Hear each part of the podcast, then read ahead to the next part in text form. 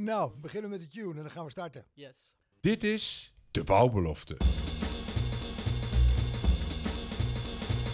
De podcast voor bouwers die het anders en beter willen doen. Met altijd een frisse kijk en dwarse blik. Arjan Tullintunnel. Anders en beter luisteraars. Dat is waar we voor gaan met de Bouwbelofte podcast met weer een spraakmakende gast aan tafel. Welkom Den Hartenberg. Dankjewel. Mooi dat je er bent. Heel graag. Je hebt een achtergrond in facility management. Ik heb facility Zag management ik. gestudeerd. Ja. Ja, dus ik ga even naar het begin van je carrière. Nu werk je op de UT, de Universiteit Twente. Komen we ook nog over te spreken. Over de Green Hub en heel veel meer. Alleen, eh, hoe kom je van facility management via bouw naar, naar de universitaire wereld? Dat vind ik wel interessant. Ja, dat is een hele goede vraag en die eh, vraag stellen meer mensen mij. Ik heb inderdaad facility management gestudeerd en eh, daarna ben ik eigenlijk de bouw ingerold via een uitzendbaantje. En eh, het was zo leuk. Ik vond het zo, zo interessant en zoveel leuke, interessante mensen, interessante projecten. En ik ben de, de, die tien jaar daarna niet meer weggegaan. Kijk, zo kan het dus lopen, in, Zo je, kan het lopen. in je werkzame leven, in je carrière. En nog even terug naar facility management. Eh, stel dat je de bouw niet was ingegaan, hè? Want je hebt bij Hegeman gewerkt, een grote bouwer. Eh, wat had je dan eh, mogelijk gedaan? Goh, dat is een goede vraag. Nou, ik was altijd wel met evenementenmanagement bezig. Dat, dat, dat, als je naar facility management kijkt, dat is gewoon een heel aantrekkelijk eh, onderdeel, vind ik. Leuk om bezig te zijn met organisatie van een evenement. En dan, je leeft echt naar zo'n moment toe om, eh, om iets groots neer te zetten, wat, waar een heleboel mensen samenkomen om iets ja, geweldigs mee te maken of te ervaren. En eh, dat zou wel iets zijn eh, ja, waar, ik, waar ik voor had gekozen, denk ik. Maar ik weet wel dat er heel veel concurrentie was, want dat vind- vond iedereen leuk. Dus er waren een heleboel mensen die, die dat mooi vonden. Ja, nou, dus uiteindelijk ben je dus via een, een eerste baantje in die bouw terechtgekomen. Ja. En, en wat heb je zo al gedaan in die bouw, in die tien jaar tijd? Nou, ik ben begonnen bij Volker Wessels, grootste pasbouw in Enschede.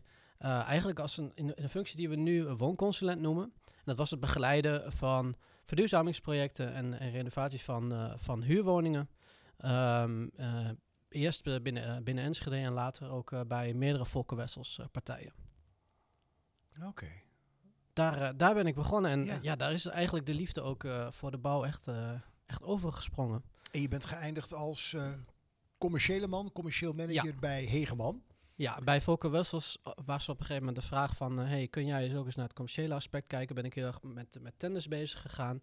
Dus het schrijven van eh, een plan van aanpak voor zo'n eh, voor zo'n tender of, of selecties. Ehm, ja, dat is eh, de mensen in de bouw denk ik wel bekend.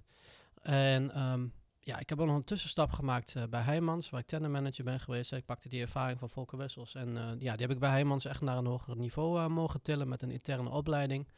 En daar is echt mijn commerciële kant... eh, ja, eh, flink gekieteld om het zo te zeggen. Ja.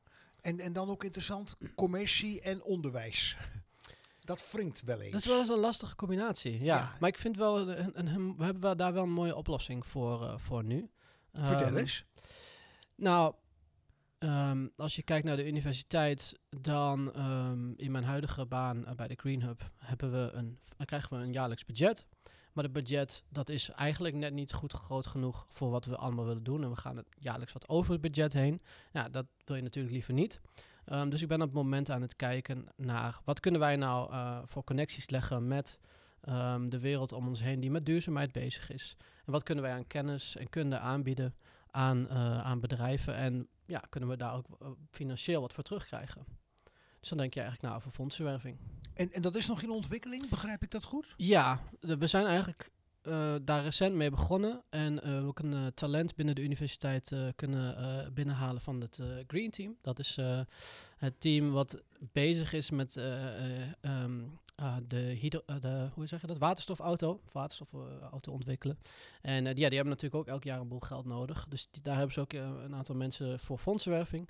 Nou, we hebben één student die dat vorig jaar gedaan heeft. En die heeft een heel mooi bedrag binnengehaald. En eh, die is daar nu bezig om dat eh, ook voor ons te doen. Kijk, kijk. Nou, dan kun je verder met de ambitie en de plannen die je hebt. Ja. Ehm, zeker in het WO-onderwijs, ook in het HBO-onderwijs. eh, bij jullie is de voertaal Engels, hè? Nou, Over het algemeen, mag ik dat ja, zeggen? we hebben bij de Green Hub een, een, een echt een, een hele mooie mix aan allerlei nationaliteiten. Ik heb een aantal Nederlanders, eh, maar het grootste deel komt niet uit Nederland. En dat gaat echt van Rusland, Oekraïne, eh, India, eh, Duitsland. Nou, een heleboel nationaliteiten zijn, zijn vertegenwoordigd. Ja. Dus de voertaal bij ons is inderdaad Engels. En, en, en dat doe je samen met het Green Office, gedreven door studenten. Ja. Ehm, voor degenen die geen kijk hebben of weten hebben van hoe dat, hoe dat werkt en hoe het georganiseerd is. Ehm, die Green Hub, wat doet dat? Ja, want groen is in tegenwoordig, hè? Ja, iedereen pakt overal groen op. Maar wij zijn wel echt groen, eh, denk ik. Nou, daar zal ik zo wat meer over vertellen. Even terug naar je vraag over de Green Office. De Green Office is eigenlijk een model wat bij heel veel universiteiten in Nederland... eh, elke universiteit in Nederland heeft er een, een aantal hogescholen ook. Zelfs een aantal ROC's. Ehm, en eh, in Europa hebben ook heel veel universiteiten een Green Office. En een Green Office is eigenlijk een model waarbij ehm, de het door de studenten gedreven is, maar door eh, medewerkers ondersteund. En ik ben een van die twee medewerkers in, eh, bij de Universiteit Twente. Ehm, en ehm, alle projecten die wij doen hebben te maken met duurzaamheid. Dus wij zijn eigenlijk de centrale hub voor duurzame initiatieven en duurzame kennis binnen de universiteit. En wij proberen heel erg om eh, de community die om ons heen gegroeid is in de jaren, om die te activeren om groen te doen en eh, groene projecten eh, om, daaraan deel te nemen. En wij hebben op dit moment ehm 32 studenten die eh, daar parttime voor ons werken, dus tussen de 8 en 12 uur per week. En dan bezig zijn met die, met die groene projecten. Ja, en dan zeg ik het goed, eh Dan. ehm, het doel is om de UT, specifiek de Universiteit Twente in Enschede, het meest groen van Europa te maken. Ja, nou ja, wat ik net al zei, we, hebben, we Van behandelen alle ons- universiteiten, Dat zo is, lees ja, ik zeker. Ja, ambitieus doel. Ik zal even uitleggen hoe, hoe we daar op toe zijn gekomen.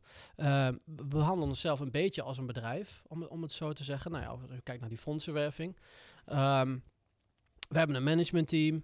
Nou ja, eh, en dan verschillende afdelingen, om het zo te zeggen. Portfolio's noemen we dat. En ehm, ja, we hebben daarom ook gezegd van we willen een visie en een missie gaan opstellen. En de visie die we hebben opgesteld, en dat is natuurlijk lange termijn, dat gaan we niet volgend jaar eh, bereiken en ook niet over vijf jaar, is om de Universiteit Twente de meest duurzame universiteit van Europa te maken. Ja, dat klopt. En eh, dan zal niemand daarop tegen zijn, stel ik me zo voor. Daar kun je niet echt tegen zijn, nee. Nee. ehm, en de vraag die dan nu bij me opkomt is, eh, mooie ambitie. eh, daar hou ik ook wel van, ambitie. Alleen, eh, hoe dan? Wat ja, is jullie plan? dat is een hele goede vraag. We hebben daar ook een missie aan gekoppeld. En de missie, nou, ik ken hem nog, net, nog steeds niet bij mijn hoofd, want hij is nog, hij is nog vers. De, Maar inkt, de inkt is net droog. ja, de, nou, om- we moeten hem nog officieel presenteren zelfs. Ah, dus we hebben een primeur. Ja, je hebt, een- je, hebt een, je hebt een scoop hier. Heel goed. Ehm, het gaat er in ieder geval om dat we vanuit de eh, Green Hub eh, diepe en langdurige impact willen maken. En dat doen we door eh, initiatieven te ondersteunen die bottom-up zijn. Dus die vanuit studenten en medewerkers komen. En ook top-down initiatieven te ondersteunen. Dus vanuit het, de Raad van Bestuur of andere stuurgroepen die daar met duurzaamheid bezig zijn. En dat doen we door samenwerking binnen en om de UT met partners en andere eh, ja, mensen binnen de community te stimuleren. Een interessante eh, die zo eh, blijft hangen. Bottom-up, dat, dat, dat, dat- daar heeft iedereen het over. Hè? Er moet meer vanuit de mensen zelf komen. Maar je maakt de combi ook met top-down. Ja, En, en, en ik kan me voorstellen dat dat dubbel is misschien soms. In de praktijk, hè? ja. Ja, dat, dat, dat is inderdaad, dat wringt soms met elkaar. Ja, ja je hebt eh, natuurlijk eh, vanuit het eh, Raad van Bestuur heb je een aantal doelen. En ehm, ja, di- da, da, daar wringt het soms met wat, een, wat, wat je vanuit bottom-up zou willen en hoe snel je het ook wil gaan. En nou ja, je hebt te maken met budgetten waar je aan moet houden. Je hebt te maken met andere doelen die er zijn. Ehm, dus ja, dat, dat kan soms wel eens tegen elkaar ingaan. Maar dat is wel onze rol die wij heel erg hebben om daar ook te zorgen dat we dan toch wel die samenwerking gaan vinden. En proberen dat we samen eh, ja, zo, zo ambitieus mogelijk doel eh, kunnen bereiken. En zijn jullie dan ook, eh, zowel intern als extern, ehm, niet alleen aanjager als ik het goed beluister, maar kun je ook een potje breken als je vanuit jullie gedachtegoed en die missie en die visie, als je iets eh, meemaakt of misschien wel opgelegd krijgt wat wringt met die missie en die visie. Snap je? Ik weet niet of ik mijn vraag een beetje helder uitleg, helder verwoord. Ja, ehm, je krijgt inderdaad soms te maken met ehm, een situatie waarin je zegt, nou, eh, eh, ons budget is niet rijk, toereikend voor wat we willen doen dit jaar. Ja, dan, dan moet je je, eh, je, eh, ja, je doelen en je, wat je voor jezelf gesteld hebt voor dit jaar moet je bijstellen. Ehm, dat zit hem. We hebben heel veel vrijheid, moet ik zeggen. Ik, ik, ik zie mezelf eigenlijk een beetje als de CEO van eh, de Green Hub. Ehm, want we, we maken zelf beslissingen. Eh, we krijgen een budget en daarmee mogen we in principe doen wat we willen. Moeten we wel ons eigen kantoor van betalen, ons eigen salaris van betalen. Dus er gaat al een heleboel op. Maar uiteindelijk mogen we zelf bepalen aan waar we aan meewerken en wat voor evenementen we opzetten. Dus we hebben wel heel veel vrijheid. En ehm, wij gebruiken ook wel die bottom-up kwaliteiten. Hè? Dus wat studenten en medewerkers willen om ehm, ja, die top-down initiatieven te beïnvloeden. Dus als we het bijvoorbeeld hebben over het in kaart brengen van duurzame, van duurzame initiatieven eh, binnen de universiteit eh, op het gebied van onderwijs of onderzoek, dan laten we ook heel duidelijk zien van dit vinden studenten belangrijk en dit vinden medewerkers belangrijk. Om te laten zien van als je meer studenten wilt binnenhalen als raad van bestuur, dan moet je aan dit soort zaken werken. En dan moet je dit soort dingen ook duidelijk naar de buitenwereld laten zien. Ehm, om eh, ja, eh, interessant te zijn voor nieuwe studenten en in, ook interessant en aantrekkelijk te blijven voor je medewerkers. Begrijp ik het dan goed, eh, Dan, dat, eh, dat, dat duurzaam worden of het meest groen worden een reden is voor studenten om juist voor de UT te kiezen? Ja, uit onderzoek blijkt inderdaad dat studenten hoe duurzaam een instelling is meenemen in hun overweging om een, een, een, een instelling te kiezen. Ja. een opleiding. En in welke mate, als je kijkt naar eh, commitment creëren hè, met iedereen, dus ook eh, alle eh, medewerkers van de UT, los van je formele rol binnen de UT, zit daar wel eens, zoals je dat zelf zegt, wringt dat wel eens? Hoe Ja. bijvoorbeeld docenten, eh, mensen die, die, onder, die ondersteunend werk doen, hè, allemaal belangrijke schakels om het studenten naar de zin te maken, dat wringt dus wel eens. Nou, niet zozeer op dat vlak. Ehm, waar het wringt is voornamelijk eh, dat wij jarenlange samenwerking met bijvoorbeeld Shell hebben gehad. Dus met de fossiele industrie. Eh, we zijn een technische universiteit. En dat betekent dat we ook heel veel technische kennis hebben. Ook waar dat eh, pijn kan doen aan de wereld. En wat dus niet zo hele duurzame kennis is. Maar wat die wel de industrie heel erg beter kan helpen om... Of ja, vooruit kan helpen om ehm, het beter te doen. En eh, vooral efficiëntieslagen te maken. Nou, dat is natuurlijk mooi. En dat is hartstikke waardevolle kennis. Alleen er is nu wel een moment gekomen dat een heel groot deel van de universiteit zegt: ja, wij zien dat wij zodanig bijdragen aan het beter maken van de fossiele industrie, dat zij hun doelen niet hoeven te halen. Dus dat zij niet bezig hoeven te zijn met bijvoorbeeld het, eh, de Paris Agreement, het, eh, het, duurzame, de duurzame afspraken die we hebben gemaakt in 2015. En ehm, ja, dat, dat medewerkers zeggen van ik voel mij hier niet comfortabel bij om bij een universiteit te werken. Of ik voel mij hier niet comfortabel bij als mijn collega's, mijn directe collega's, bezig zijn met onderzoek wat bijdraagt aan de fossiele industrie. En daar wringt het voornamelijk. Is dat. ehm, dat klinkt als een moreel dilemma. Ja, dat is een moreel Misschien dilemma. wat zware woorden. eh, Nee, nee, nee, dat zijn, vind ik geen zware woorden. We hebben dit jaar, ehm, voor, eigenlijk voordat ik ik ben op 1 mei begonnen en eh, ik mag nog de helft van deze serie met bijeenkomsten eh, bijkomen, bij, eh, bijwonen. Dat, dat heette de Sustainability Dialogues. Dat is in januari begonnen. En daar ging het, de raad van bestuur ging in gesprek met eigenlijk iedereen die zich om dit onderwerp eh, bekommert. Studenten, medewerkers, eh, docenten, professoren, maakt niet uit. Iedereen was er. Mooi. Ja, hele grote opkomst elke keer. En ook echt, er was ook altijd iemand bij van de Raad van Bestuur. Dus die liet ook echt zien van wij, wij nemen dit serieus. En daar is ehm, op verschillende, zes verschillende thema's is gepraat over ehm, ja, hoe moeten we deze samenwerking nou naar een hoger niveau tillen? En hoe kunnen wij nou als universiteit zorgen dat we geen ehm, impact maken in de samenleving die eigenlijk slecht is voor toekomstige generaties? En daar, dat, daar ging het best wel, eh, wel heftig en fel aan toe, soms in de discussie. Ehm, ja, en, en wat je merkt is eh, dat daar zeker vanuit bijvoorbeeld een partij als Shell ehm, ja, heftige eh, invloed probeert, dat ze de heftige invloed proberen uit te oefenen via die medewerkers. En dan eh, voornamelijk met het aanbieden van mooie plekken, eh, onderzoeken en, en, en geld. Ja, en even los van eh, ideologie of eh, politieke voorkeur. Het klinkt ook wel in het huidige tijdgevricht, eh, het begin van de jaren 2000, eh, en nu 2023, maar stel over een jaar zou je weer luisteren of over twee jaar hè, naar deze podcast. Ook op dit thema, dus polarisatie. Ja, ja zeker.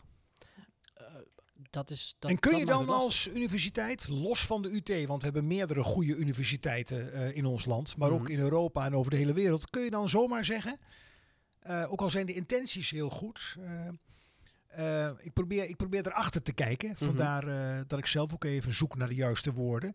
Ehm, kun je dan zomaar zeggen, wij trekken onze handen af van de Tata Steels, de Shells, ehm, de energiereuzen, ga zo maar even door. Ja, dat is het natuurlijk waar het eh, ehm, debat eigenlijk over ging.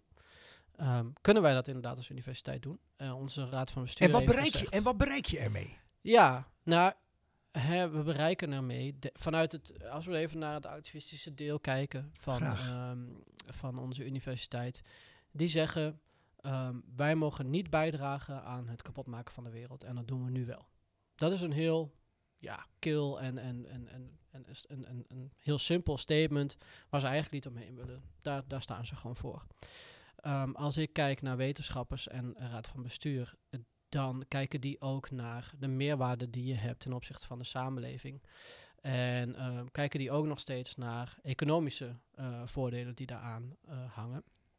En zien zij heel erg de relatie met, ja, we willen wel aan boord blijven, we willen met hun in gesprek blijven, omdat we proberen vanuit onze wetenschappelijke kennis hen te beïnvloeden. Ehm, ja, als ik dan weer even terugga naar dat activistische deel, dan zeggen zij van ja, dat hebben we nu een aantal jaren geprobeerd.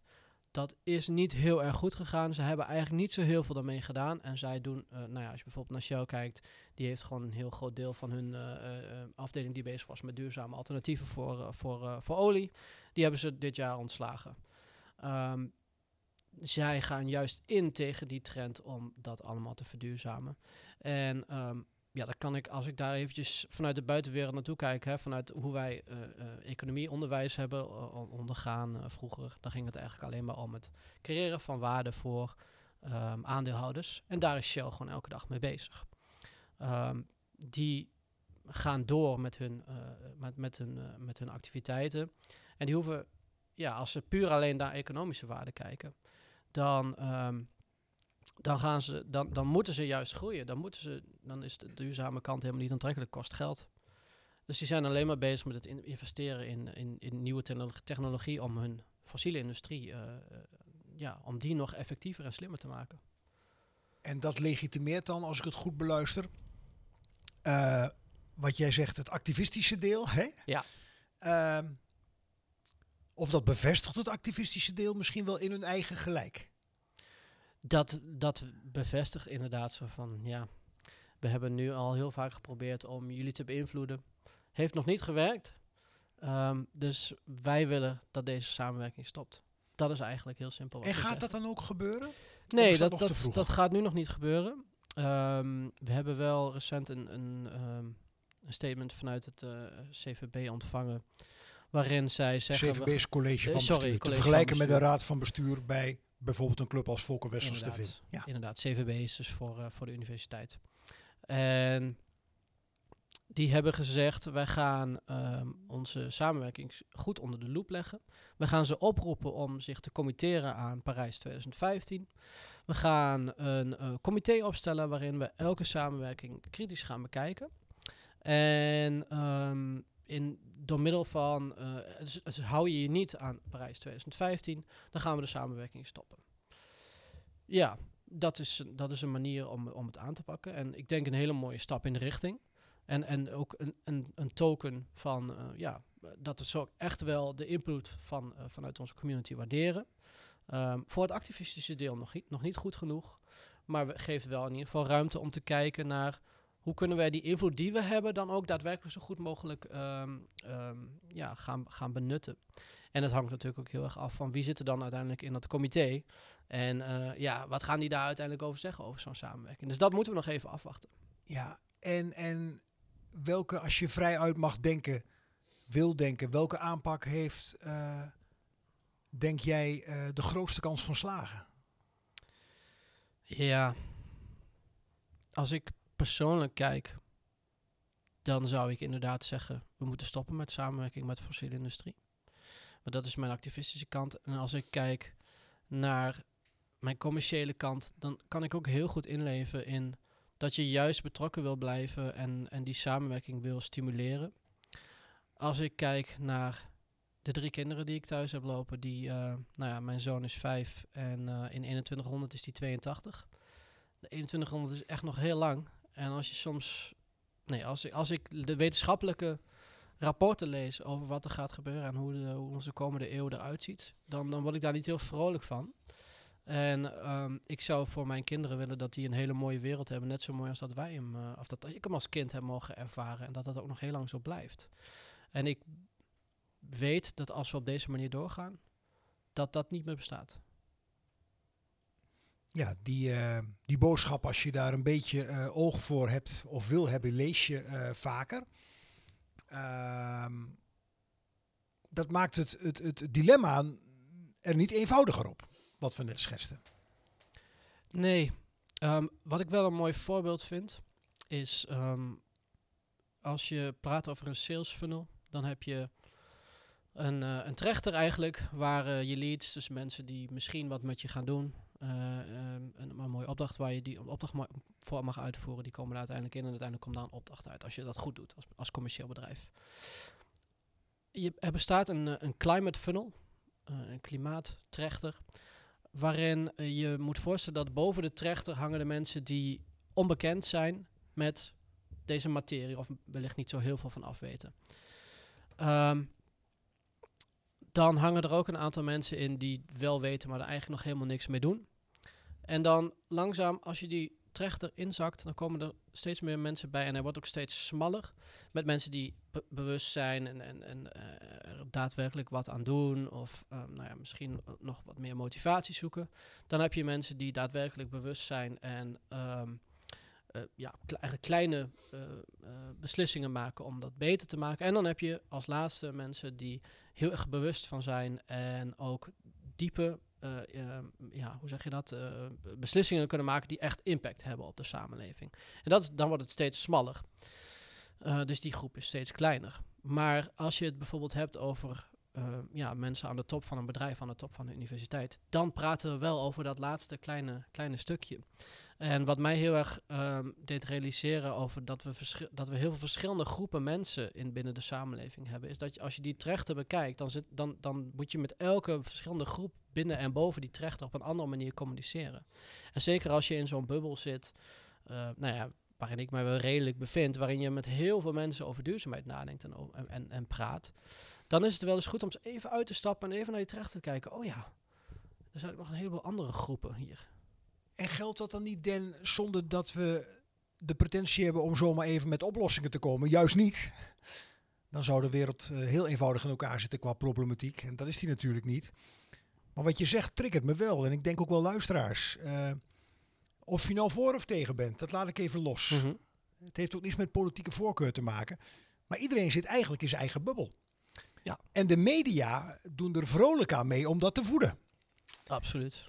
Eh, welke media eh, je ook bekijkt, ziet of hoort of leest. Tjemig, dan, dan is nogal een opgave.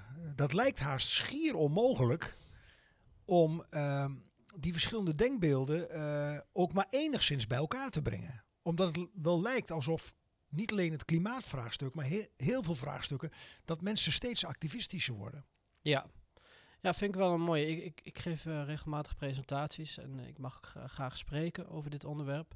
En dan heb ik een plaatje waarin je een hele stapel Jenga-stenen bovenop elkaar eh, ziet. Wat, En, wat zijn eh, Jenga-stenen? Eh, Jenga, dat, dat is een spelletje waarin je allerlei eh, steentjes op elkaar gaat bouwen in verschillende lagen. En dan moet je zo'n steentje er elke Oh ja, uittrekken. Veel je gedaan. Ja, zeker, zeker. Ja, hartstikke ook leuk. als kind. Ja, erg leuk. Ehm, dan weet je ook als je een, een toren met alleen maar losse steentjes bovenop elkaar zou bouwen, dat als je één steentje eruit zou trekken, dat eigenlijk de hele toren omvalt. En dat is een beetje het eh, complexe probleem waar we op dit moment tegen aankijken in de wereld. Dat ehm, nou ja, bijvoorbeeld het ver- verlies aan biodiversiteit of eh, oorlog, ehm, En laten we zeggen dat er 20, 25 s- steentjes zijn met daar allemaal hun eigen verschillende kleine problemen. En die zijn allemaal op een bepaalde manier aan elkaar gerelateerd. Want als jij één steentje uit die toren trekt, dan zal waarschijnlijk de hele toren omvallen. Als je dat niet heel, eh, heel, heel kundig, eh, nou ja, misschien al dat Hans Klok het kan, maar eh, waarschijnlijk zijn er weinig mensen die dat, die dat kunnen.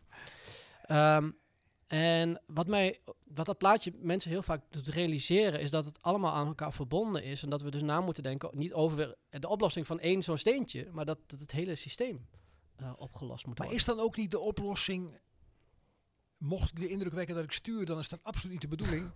Je kunt zeggen, eh, de partijen die nu nog overwegend in fossiel zitten, daar stoppen we mee. Maar dan trek je dus eigenlijk één steentje eruit.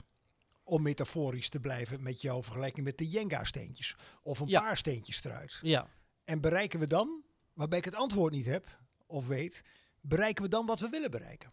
nou als we dat steentje er, ehm, dat, het- dat steentje is niet een probleem. Dat, dat het, het climate change, of ja, klimaatverandering, sorry, ik zit in de Engelse termen altijd. Eh, klimaatverandering, dat is dus een van de steentjes. En eh, de fossiele industrie, die zorgt ervoor dat dat steentje er is. Was de fossiele industrie dus niet, er niet geweest, dan hadden we één steentje minder gehad. Of nou ja, goed, was de fossiele industrie er niet geweest, hè, had de fossiele industrie zich eerder aangepast en, en, en meegewerkt met eigenlijk toewerken naar een, naar een duurzame oplossing.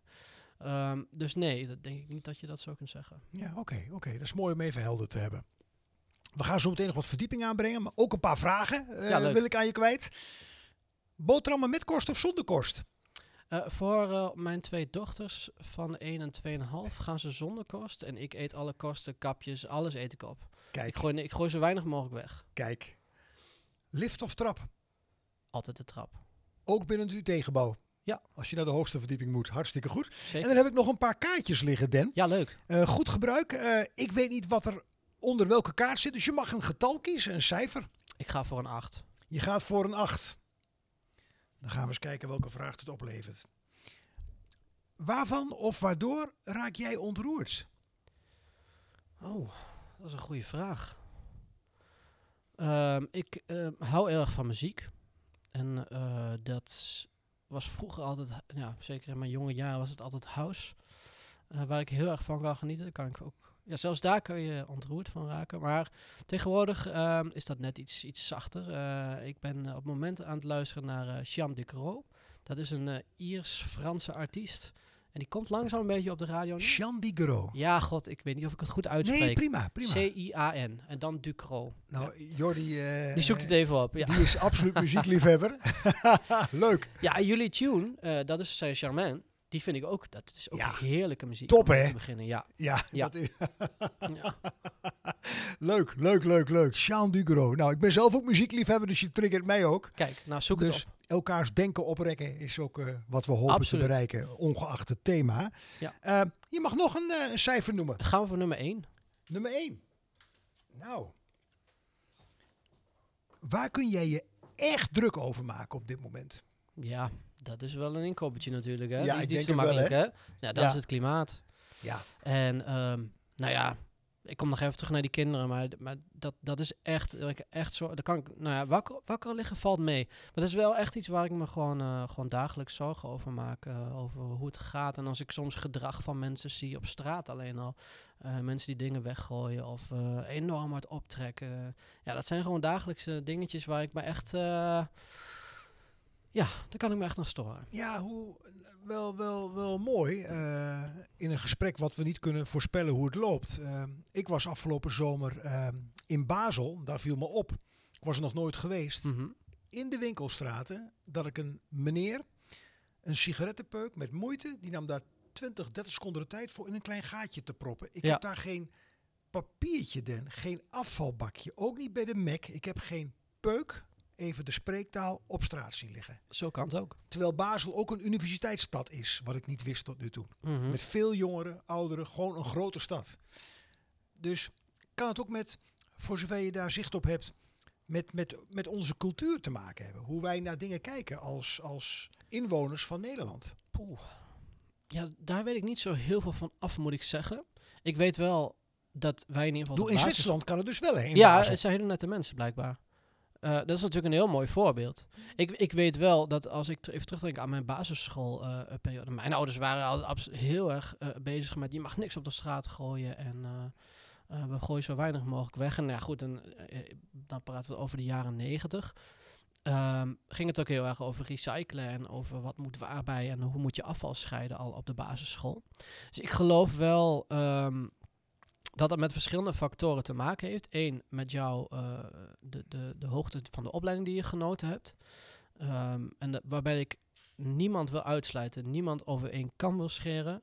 Maar ik merk wel dat in mensen, bij mensen die lager opgeleid zijn, dat, het, dat die ehm, eh, soms moeite hebben om daarin zich te kunnen inleven. Dus, dus ehm, als er niet genoeg aandacht is voor een kind tijdens tijdens een opvoeding, dat die bijvoorbeeld dingen op straat gooien. Of ehm, nou ja, eh, blikjes Red Bull. Dat, dat wordt, eh, blijkt het onderzoek, meer gedronken door eh lager opgeleiden. En die vind je dan dus ook meer langs de kant van de weg. Ehm, ehm, daar hebben we nog een hele interessante. Zometeen heb ik nog wat leuks voor je. een, een mooie aankondiging. Maar het tweede punt waar, waar het mee te maken heeft, is eh, denk ik ook de cultuur. En ik denk dat we in Nederland het allemaal zo makkelijk en zo goed hebben. En er wordt zo goed voor ons gezorgd. eh, dat je ook ehm, ja, daar soms misschien wel een beetje lui van wordt. En dat je denkt van, ach ja, komt wel goed. Dat zou een interessante zijn voor eh, verder wetenschappelijk onderzoek. dat zou zeker interessant zijn, ja. ja. Dat zal ik, eens, zal ik eens noemen bij de universiteit. De tijd vliegt. We hebben nog een Ja. paar minuten. We gaan zometeen zeker ook tijd inruimen voor jouw leuke aankondiging. Even terug naar, ehm, naar, naar, naar de Green Hub. Hè? Ja. Want ehm, ja, eh, in 2023, dit jaar dus, eh, ja, eh, ligt de sustainability, suste, sorry, suste, is een moeilijk- sustainability. Dat is een moeilijk, een moeilijk begrip, Jemig, ja. dat heb ik niet vaak dat ik me Week van de duurzaamheid. Ja, eh, als de luisteraars dit horen, dan ligt die net achter ons van 27 november tot en met 1 december. Eh, samen met de ROC Twente, hartstikke mooi, Saxion en de UT. Ja. Wordt dat georganiseerd. Eh, Klopt. wat zijn zo de thema's en de onderwerpen in die Sustainability Week? Nou, het, Voor de mensen die er niet geweest zijn, hè? Het, het thema is, is heel breed. Duurzaamheid in het algemeen en hoe kunnen we daar als onderwijsinstellingen aan bijdragen. Dus hoe ziet de toekomst eruit en wat, wat kunnen wij daaraan bijdragen. Ehm, we hebben een aantal keer een, eh een kledingruilmarkt. Dat is een van de heel, heel, een heel simpel dingetje waar je denkt, nou, ik kan wat oude kleren inleveren. Dan krijg je een muntje voor terug, kun je nieuwe kleren uitzoeken. Of nieuwe, nou, tweedehands dus. Ehm, we hebben een, een avond bij de gemeente Enschede waarin we eh, ja, gaan vertellen over wat wij als onderwijsinstellingen, alle drie, eh, doen op het gebied van duurzaamheid.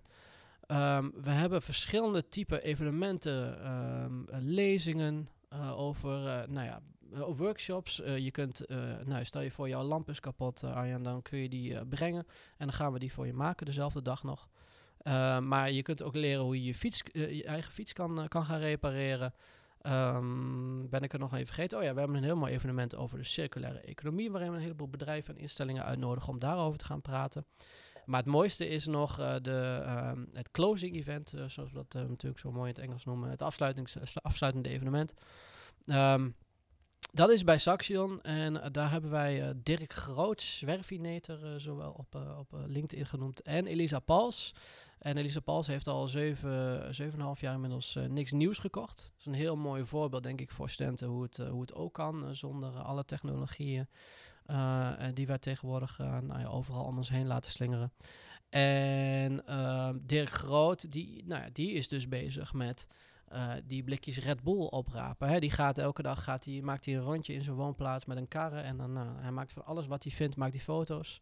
Eh, erg inspirerend ook om op LinkedIn eh, te zien. En hij probeert ook die data en dat, dat onderzoek wat hij doet, dat probeert hij dus ook eh, te structureren en ook politieke invloed daarmee te hebben.